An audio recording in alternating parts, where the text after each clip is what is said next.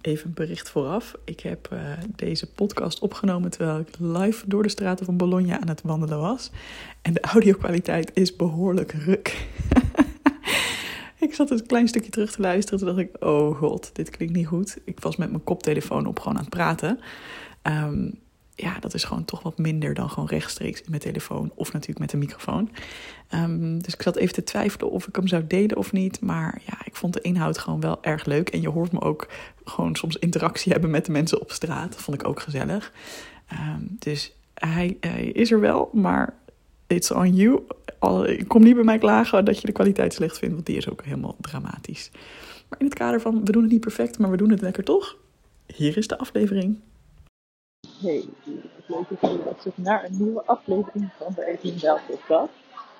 Als je het geluid om me hoort, kan kloppen. Ik loop door Bologna, dit straatje van Bologna. Het is half negen samen.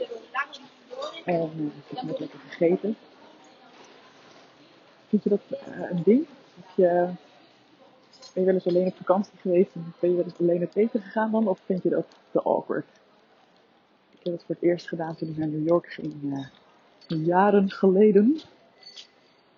En ik kwam erachter dat het eigenlijk helemaal niet zo erg is. Ik vind het heel fijn om in mijn eentje een paar dagen weg te zijn en gewoon lekker precies kunnen doen waar ik zin in heb. En ook alleen het eten. Ja, ik, tegenwoordig heb ik nog gewoon een podcast op. maar ik had ook mijn dagboek bij me, dus ik heb ook even lekker daarin geschreven. Ja, ik weet niet vermaakt me wel. Ik vind wel alleen lunchen volgens mij nog relaxer dan e- alleen avondeten, maar nu had ik er eigenlijk ook niet zo last van. Het is echt heerlijk weer hier trouwens. Ik loop echt uh, met een jurk aan, geen vestje aan, niks. Het is gewoon nog uh, super lekker warm. Het is niet goed warmer dan Nederland. Maar waar ik het eigenlijk over wilde hebben, is waarom ik heb besloten, op een zeker punt in mijn leven, dat ik alleen maar met positieve mensen wil werken. Is iets wat ik laatst uh, benoemde in mijn gratis training. Uh, ja, wat ik ook heel belangrijk vind. Um, en misschien als jij ondernemer bent, heb je hier ook wat aan. Dat je kunt bedenken van, oké, wat zijn nou de mensen waar ik echt blij van word? Wat voor eigenschappen hebben mijn ideale klanten allemaal gemeen? Hier wat echt lawaai Hoor je dat? Ik duik wel even een rustig steekje in. Ik word wel gewoon even die krachtig morgen voor de podcast. Geen probleem. Heb ik ervoor over. Alles voor betere audio kwaliteit. nee hoor, het schijnt hier heel veilig te zijn. Mijn schoonzusje zit hier en die zei gisteren van nee, ik voel me altijd echt super veilig. En het is hier gewoon heel, uh, heel relaxed. Die heeft er eerder ook al drie maanden gezeten. Die heeft hier ook Italiaanse vrienden gemaakt. Dus uh, die het wel vertrouwen is. Zo voelt het ook wel. Um, maar goed, dus je mag dus als ondernemer zelf bepalen met wie je wil werken. En dit geldt ook als je geen ondernemer bent, dan mag je bepalen met wat voor mensen je om wilt gaan. Kijk, het is natuurlijk iets moeilijker in een lo. Oh, hallo. Twee tieners die een beetje teruggedronken worden. Hola. Oh nee, hola, dat zit te staan. Ik weet het helemaal echt geen enkel woord Italiaans. Misschien had ik buonasera moeten zeggen. Buonanotte. Uh, ja, verder. Hè, als je in loondienst bent, dan is misschien iets meer, uh, ja, dan zit je iets meer opgeschreven met mensen waar je niet blij van wordt. Maar ook dan heb je dus wel de keuze om weg te gaan.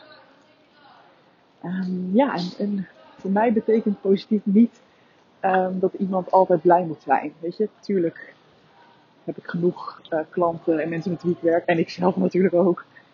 Uh, ja, die gewoon af en een baaldag hebben. Of ja, gewoon even doorheen zitten. Een lastige periode meemaken, uiteraard.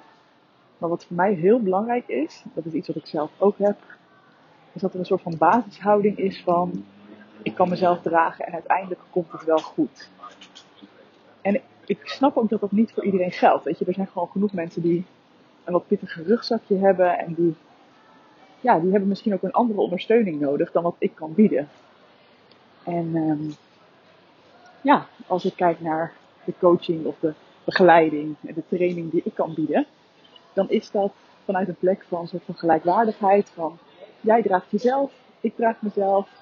En ik denk met je mee, ik geef je inspiratie, ik geef je trainingen, ik geef je misschien wel tips, adviezen, ik stel je vragen, ik laat je reflecteren op jezelf, ik stel je misschien wel gerust, maar uiteindelijk ligt het balletje bij jou. Uiteindelijk voel jij van, ja, ik kies nu ervoor om links of rechts te gaan en ja, niet mensen die zeg maar de verantwoordelijkheid op mij neerleggen van, oh, nu voel ik me alsnog niet goed. Nou, dan werkt het programma dus niet. Of, oh, nu is mijn bedrijf alsnog niet meteen een succes. Oh, dan heb ik dus niks aan uh, jouw coaching gehad. Nee, zo werkt het niet. dus ja, mensen die heel veel uit de verantwoordelijkheid pakken, dat is voor mij heel belangrijk. En wat ik wel heel erg leuk vind, is dat een van de deelnemers nu aan de Perfectionisme Coach Academie, die is dus helemaal op die vibe ingestapt. We zijn bij een uh, kruispunt, dus die echt wat horeca. Um, zij is iemand, zij is niet eens coach. En ze heeft ook helemaal geen ambities om coach te worden. Een heel leuk iemand, maar lief ze. Zij organiseert challenges. En dat zijn allemaal challenges om je wat relaxter te voelen. Dus bijvoorbeeld uh, s'avonds offline gaan. Of uh, elke dag mediteren. Ik ga binnenkort ook een challenge over perfectionisme organiseren. Beetje geïnspireerd door mijn, uh, mijn enthousiasme over het onderwerp. En zij zei, ja, ik zat een beetje te of ik mee zou doen aan de Perfectionisme Coach Academie. Want ik hoef helemaal geen perfectionisme coach te worden. Maar ik weet gewoon, ik vind jouw vibe gewoon zo fijn. Dat ik gewoon heel veel zin heb om daar vier maanden bij in de buurt te zijn. En dat vond ik zo'n compliment. Dat ik dacht, ja, dat is dus precies wat ik bedoel met, met werk ik graag. En wat voor vibe ik die mensen. En ik dacht, ja, hoe geweldig dat er dan dus iemand is die dat zo voelt. Dat ze gewoon besluit om te investeren puur om daarbij te kunnen zijn. En wat ze ook weet. En ik doe dat zelf ook heel vaak. Ik koop heel vaak, als ik investeer in een programma, dan is dat soms natuurlijk over de kennis. Maar ook heel vaak omdat ik heel goed ga op de vibe van de onderneming. Dat ik denk, ja, ik wil gewoon lekker even tijd in mijn buurt zijn. Ik wil een beetje in jouw hoofd kunnen kijken. Ik vind jou inspirerend. En ik weet gewoon als ik een paar maanden met jou optrek, tussen aanhalingstekens, dat dat me sowieso verder gaat brengen. Dus ja, hoe heerlijk. Bij deze ook als je zelf ondernemer bent, maar ook misschien wel als je niet ondernemer bent. Wat voor vibe zou jij graag willen uitstralen? Hè, wat voor mensen word jij heel blij van? Dat is dan waarschijnlijk ook de vibe die jij zelf uitstraalt. En als je daar echt voor gaat staan en durft te kiezen en niet meer gewoon elke klant binnen laat komen um, die misschien wel helemaal leegzuigt, maar je helemaal niet blij van wordt.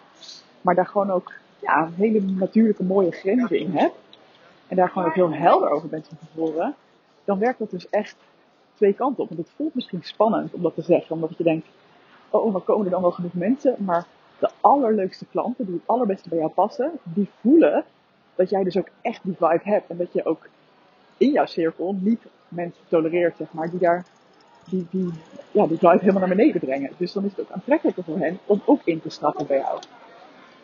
Dat even iets wat ik met je wilde delen. Oh, er wordt mijn roos aangeboden. Nou, grazie. een oud tandeloos mannetje loopt met een enorme bos rozen die hij wil verkopen. Maar uh, ja, ik vind dat moet iemand voor mij kopen. Nee, misschien. Als ik er zin in had, had ik lekker een bloemetje voor mezelf gekocht. Maar om nou met een stekelige roos de straten van Bologna te doorkruisen, dat lijkt me niet, uh, niet prettig. Ik ga nog even lekker verder lopen. Ik heb een lekker zweetsnorretje inmiddels. en uh, dankjewel voor het luisteren. Ik ben heel benieuwd naar jouw gedachten over dit onderwerp. En I'll talk to you soon. Buonasera!